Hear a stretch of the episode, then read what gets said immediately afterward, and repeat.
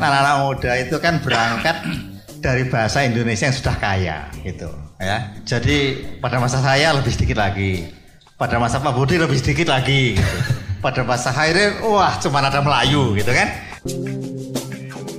Sehingga dia harus memberontak itu untuk bahkan harus ikut mengubah bahasa Indonesia gitu ke Hairil. Jadi saya kira tentu saja lebih bagus.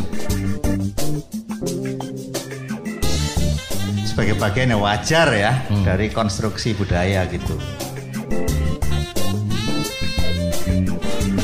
Anak-anak muda canggih-canggih sekali. Saya sering sekali jadi juri gitu, ya. Dan ketika setelah memilih pemenang atau apa, menyeleksi untuk festival gitu, salah satu pernyataan saya itu berapa kali saya bilang, ya karya-karya yang ada ini membuat jurinya pun minder, kayak gitu.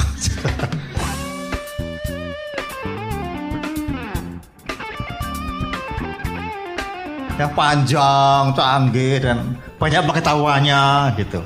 Ya, jadi tidak lagi klise. Tidak lagi sentimentalitas berlarat-larat gitu enggak.